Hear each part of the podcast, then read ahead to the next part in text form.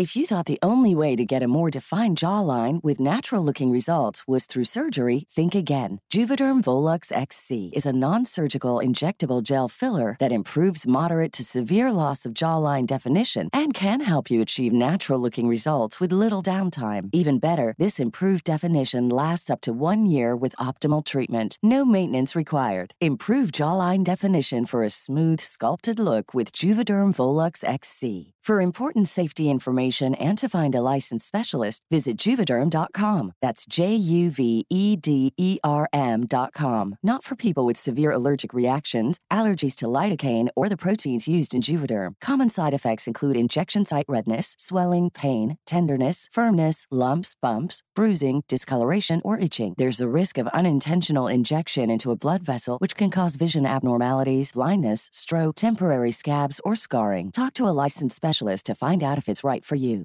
Hey, I'm Ryan Reynolds. Recently, I asked Mint Mobile's legal team if big wireless companies are allowed to raise prices due to inflation. They said yes. And then when I asked if raising prices technically violates those onerous two year contracts, they said, What the f are you talking about, you insane Hollywood ass? F- So to recap, we're cutting the price of Mint Unlimited from $30 a month to just $15 a month. Give it a try at mintmobile.com slash switch. $45 upfront for three months plus taxes and fees. Promo rate for new customers for limited time. Unlimited more than 40 gigabytes per month. Slows. Full terms at mintmobile.com. Millions of people have lost weight with personalized plans from Noom, like Evan, who can't stand salads and still lost 50 pounds. Salads, generally, for most people, are the easy button, right? For me, that wasn't an option.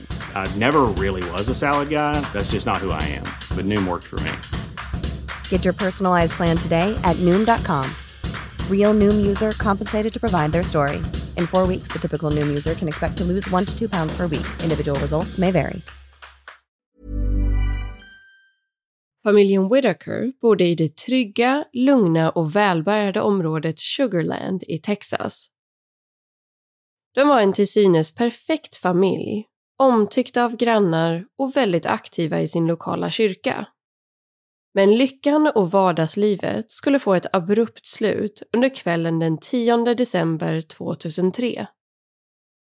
En maskerad man sköt då samtliga fyra medlemmar av familjen Whitaker i samband med att de klev in genom ytterdörren till sin bostad i Sugarland. Två av dem dog av sina skador och två överlevde.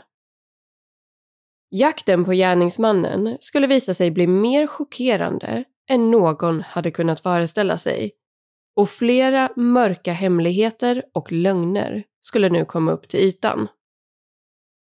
Det här är del 1 av The Sugarland Murders.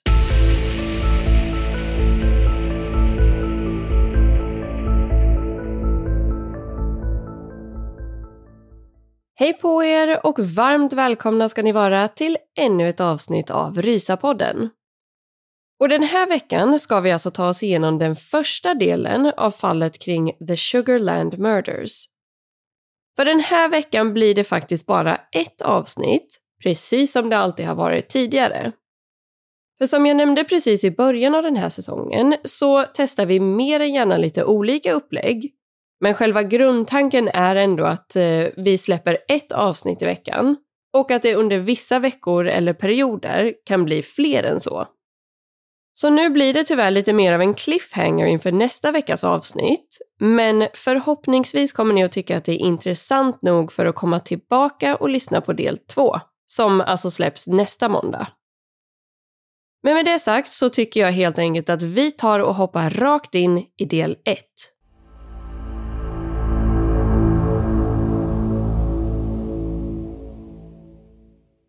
Familjen Whitaker bestod av Trisha, Kent och deras två söner, Bart och Kevin. Trisha, som egentligen hette Patricia, har beskrivits som en godhjärtad, omtänksam och generös kvinna.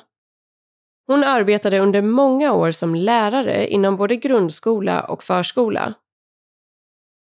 Trisha älskade verkligen barn och att se dem lära sig nya saker och utvecklas. Hennes make Kent arbetade som revisor inom ett framgångsrikt byggföretag och ska därför ha dragit in en hel del pengar. Paret var båda två födda och uppväxta i Houston, Texas och träffades genom en blind date. De gifte sig senare och fick sonen Bart, som egentligen hette Thomas Bartlett Whitaker, i december 1979.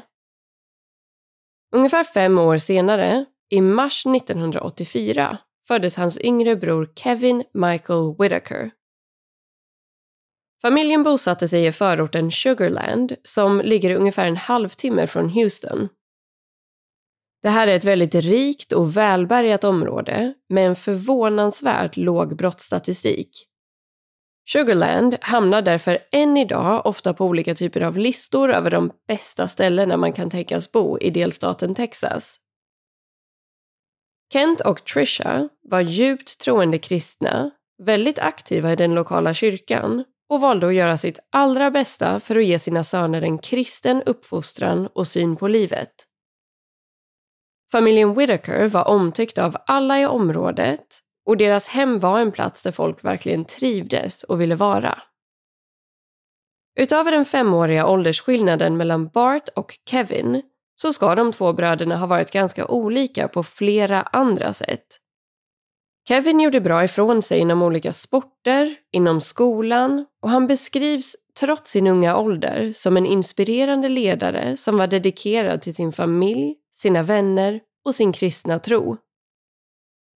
Kevin själv och många av hans kompisar såg verkligen upp till hans äldre bror Bart och ska ha tyckt att han var ganska cool.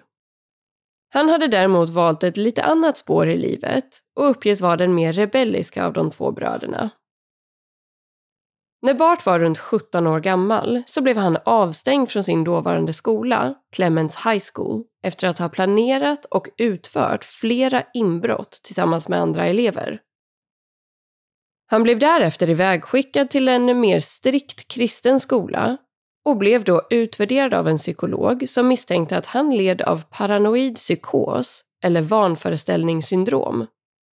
En ganska allvarlig psykotisk störning som innebär att individen har en förvrängd verklighetsuppfattning. Och det framgår inte riktigt hur och om man faktiskt valde att gå vidare med någon speciell behandling för Bart efter det här. Men det verkar i alla fall inte som att det togs på jättestort allvar. Det man däremot vet är att hans föräldrar gjorde allt de kunde för att Bart skulle ha ett tryggt liv, rent ekonomiskt och praktiskt. De köpte till exempel en helt egen bostad till Bart i området Willis, Texas, som ligger drygt en timme norrut från Sugarland. Kent och Trisha köpte även flera olika bilar till Bart och betalade alla de skolavgifter som han drog på sig när han senare studerade vid Baylor University. Det ska dock sägas att Bart också gjorde relativt bra ifrån sig i skolan och han har beskrivits som väldigt respektfull, smart och med ett härligt sinne för humor. Vid tidpunkten för de här händelserna i december 2003 så skulle Bart snart fylla 24 år och studerade på en annan skola som heter Sam Houston State University. Hans lillebror Kevin var 19 år gammal och studerade vid Houston Community College. Mamma Trisha var 51 och pappa Kent var 54 år gammal. Och nu när ni har fått lite av en bakgrund kring den här familjen så tänker jag att vi ska ta och hoppa fram till just den dagen då allting började. Den 10 december år 2003. Bart, som ju inte längre bodde hemma med resten av familjen, hade nämligen hört av sig till sina föräldrar med en väldigt glad nyhet. Att han nu hade klarat av alla sina tentor och att han snart skulle ta examen från Sam Houston State University. Kent och Trisha blev såklart otroligt glada och stolta över sin sons prestation. Familjen bestämde att det här behövde firas och Bart föreslog att de alla skulle gå ut och äta tillsammans. Senare under kvällen den 10 december så begav de sig därför iväg till skaldjursrestaurangen Papado som låg drygt 10 minuters bilresa från bostaden i Sugarland. Stämningen ska ha varit på topp under kvällen och de ska ha njutit av god mat, skämtat med varandra och till och med tagit några familjefoton tillsammans. Kent och Trisha ska också ha gett Bart en klocka i tidig examenspresent. Och inte vilken klocka som helst, utan en Rolex-klocka som kostade ungefär 40 000 kronor. Familjen beställde också in Barts favoritefterrätt för att runda av kvällen.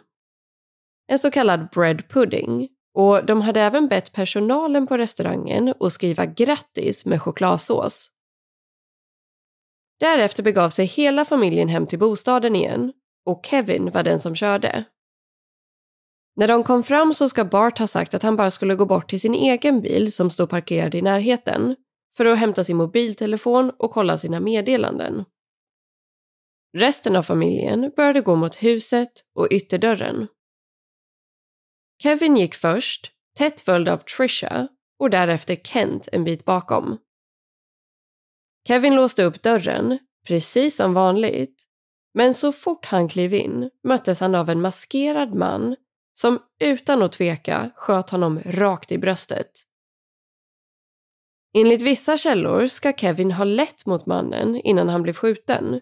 Och förmodligen gjorde han det eftersom att han trodde att det var någon form av skämt eller överraskning som väntade. I samband med det första högljudda skottet ska Trisha hunnit skrika “Oh no!” och kort därefter blev hon också skjuten i bröstet. Kent befann sig som sagt lite bakom sin fru och son och till skillnad från dem så stod han inte rakt framför skytten. Kulan som träffade Kent missade därför hans hjärta med drygt 15 centimeter och träffade istället hans axel. Kulan ska också ha krossat hans överarmsben.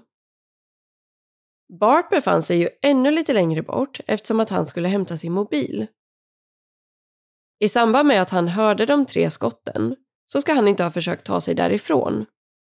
Han sprang istället rakt in i bostaden och försökte övermanna den maskerade skytten. Bart blev då skjuten i övre delen av sin vänstra arm. Därefter fortsatte han springa efter gärningsmannen som slutligen flydde ut från bostaden genom bakdörren. Ingen i området hade såklart kunnat missa att fyra högljudda skott nu hade avlossats vid familjen Whitakers bostad. En av deras grannar, Cliff Stanley, var därför först på plats. Han insåg ganska direkt att det tyvärr inte fanns så mycket han kunde göra, men han ska bland annat ha försökt stoppa blödningarna så gott han kunde. Både grannen Cliff och Bart ringde sen till larmcentralen från olika telefoner under samtalet som Bart ringde så förklarade han att alla i hans familj hade blivit skjutna, inklusive han själv, och att han hade jagat ut gärningsmannen genom bakdörren. Larmoperatören frågade sen om Bart visste vem som hade skjutit dem och han förklarade då att personen var maskerad och att han därför inte hade kunnat se hur han såg ut. Han fick sen en eh, ganska intressant fråga Nämligen om han tyckte att personen lät som att han var vit, svart eller kanske latinamerikansk. Bart svarade att han inte var säker, men att han trodde att han kanske var svart. Kent ska däremot, i senare samtal med polisen, ha vittnat om att han inte hade sett gärningsmannen i mer än några sekunder, men att han var säker på att huden runt ögonen var vit. Både polis och ambulans var snabbt på plats vid familjens bostad och gjorde allt de kunde för att hjälpa Trisha och Kevin som hade mer kritiska skador. Dessvärre gick det inte att rädda Kevins liv och han dödförklarades redan på brottsplatsen. Han hade avlidit bara ett par minuter efter att han blev skjuten. Trisha levde fortfarande när ambulansen kom dit och blev transporterad till akuten via helikopter men hennes kropp orkade inte kämpa mer och Trisha dödförklarades redan innan hon anlände till sjukhuset.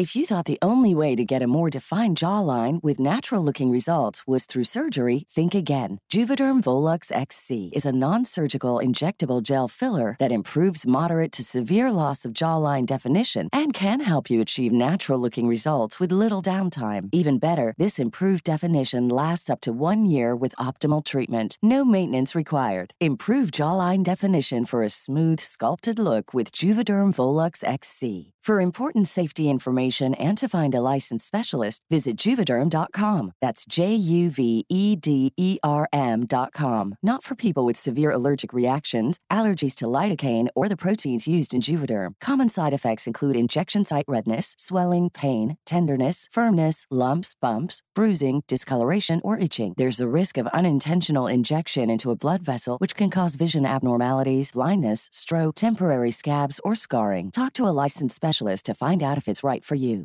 Millions of people have lost weight with personalized plans from Noom, like Evan, who can't stand salads and still lost 50 pounds. Salads, generally, for most people, are the easy button, right? For me, that wasn't an option. I never really was a salad guy. That's just not who I am. But Noom worked for me. Get your personalized plan today at Noom.com. Real Noom user compensated to provide their story. In four weeks, the typical Noom user can expect to lose one to two pounds per week. Individual results may vary. Hey, I'm Ryan Reynolds. Recently, I asked Mint Mobile's legal team if big wireless companies are allowed to raise prices due to inflation. They said yes. And then when I asked if raising prices technically violates those onerous two year contracts, they said, What the f are you talking about, you insane Hollywood ass? F- So to recap, we're cutting the price of Mint Unlimited from $30 a month to just $15 a month. Give it a try at mintmobile.com slash switch. $45 upfront for three months plus taxes and fees. Promo rate for new customers for limited time. Unlimited more than 40 gigabytes per month. Slows. Full terms at mintmobile.com.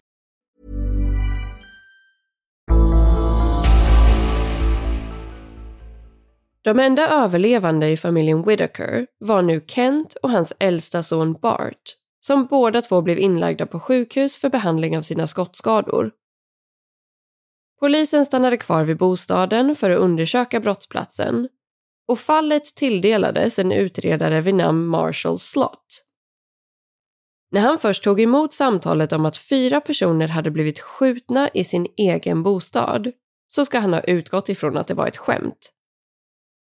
Den här typen av brott existerade knappt i Sugarland, så det kändes helt otänkbart att något sånt här ens skulle kunna hända i det området där familjen Whittaker bodde. Polisens spontana reaktion var att de måste ha blivit skjutna i samband med ett inbrott. Deras ankomst måste ha överraskat gärningsmannen som i ren panik valde att skjuta familjen. Men den här misstanken höll inte i sig särskilt länge. För i samband med att Marshall och hans kollegor sökte igenom brottsplatsen gjorde de flera intressanta upptäckter. Bland annat hittade de det vapnet som hade använts under kvällens skjutningar.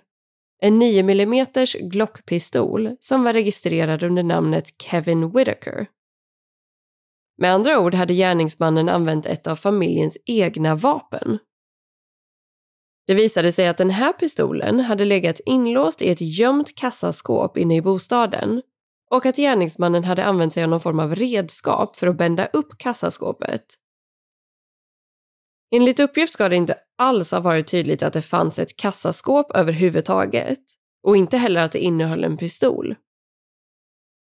En annan sak som talade emot att det skulle ha varit ett inbrott var ju faktumet att ytterdörren hade varit låst när de kom hem vilket troligtvis innebar att gärningsmannen måste ha befunnit sig inne i huset och väntat in familjen.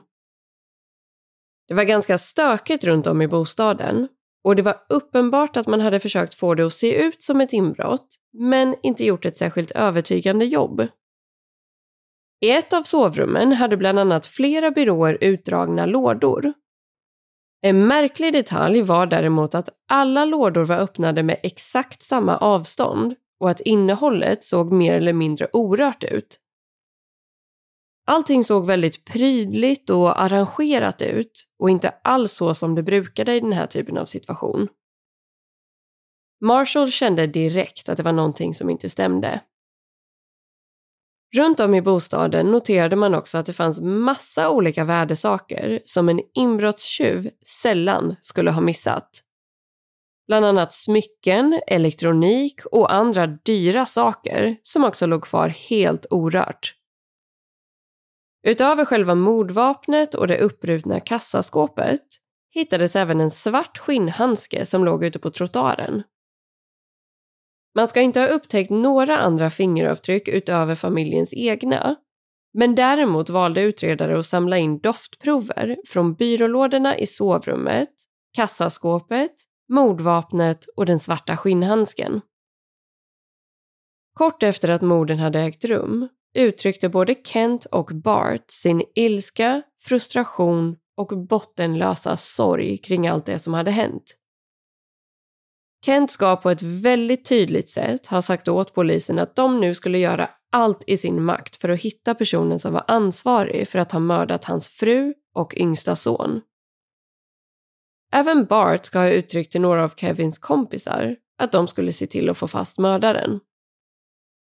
Kent ska däremot senare ha sagt att hans största önskan var att han en dag skulle kunna förlåta handlingarna, oavsett vem som låg bakom morden.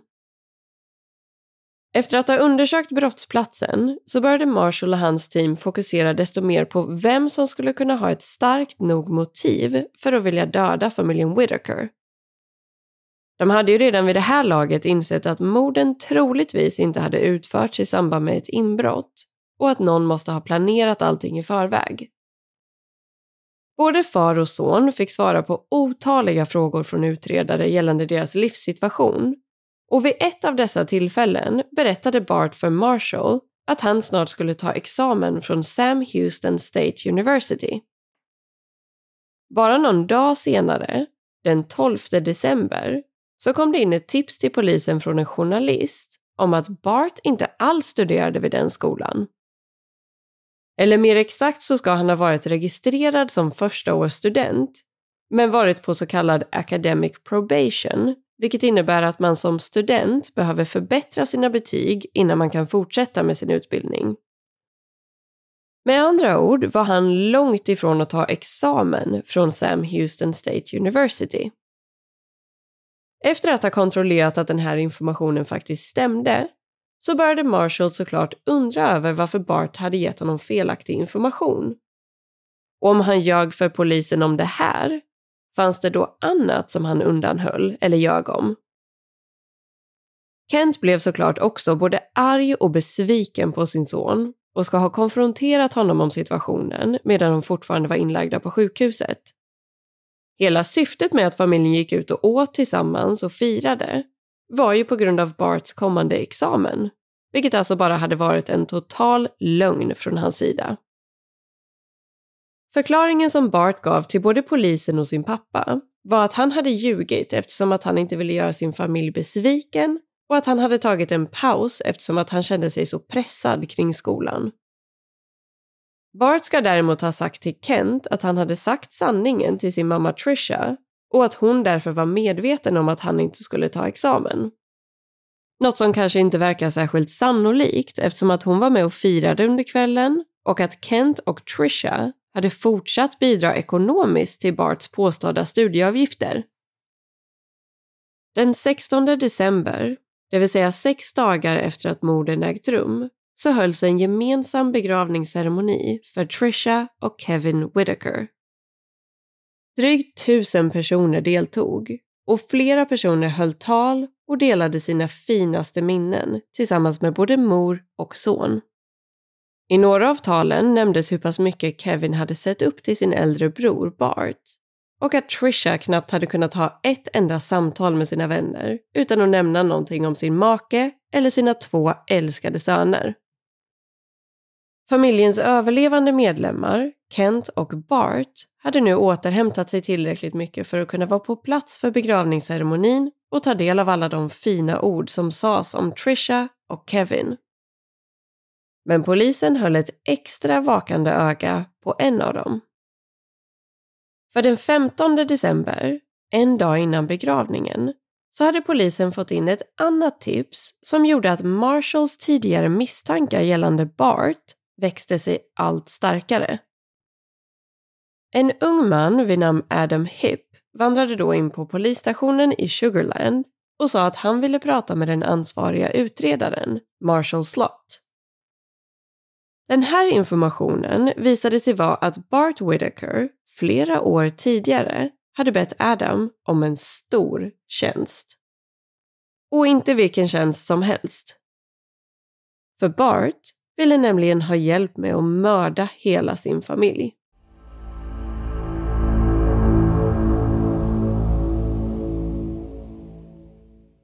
Sådär ja. Då har vi nu tagit oss igenom den första delen av det här fallet. Men jag hoppas att ni har tyckt att det här avsnittet har varit intressant att ta del av. Och förhoppningsvis vill ni komma tillbaka och lyssna på del två som alltså släpps om exakt en vecka. För då kommer vi nämligen ha en hel del att gå igenom.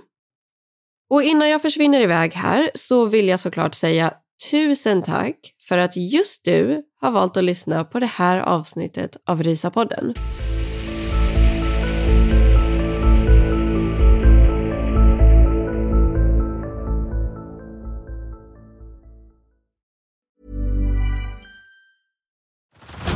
Head over to Hulu this March, where our new shows and movies will keep you streaming all month long.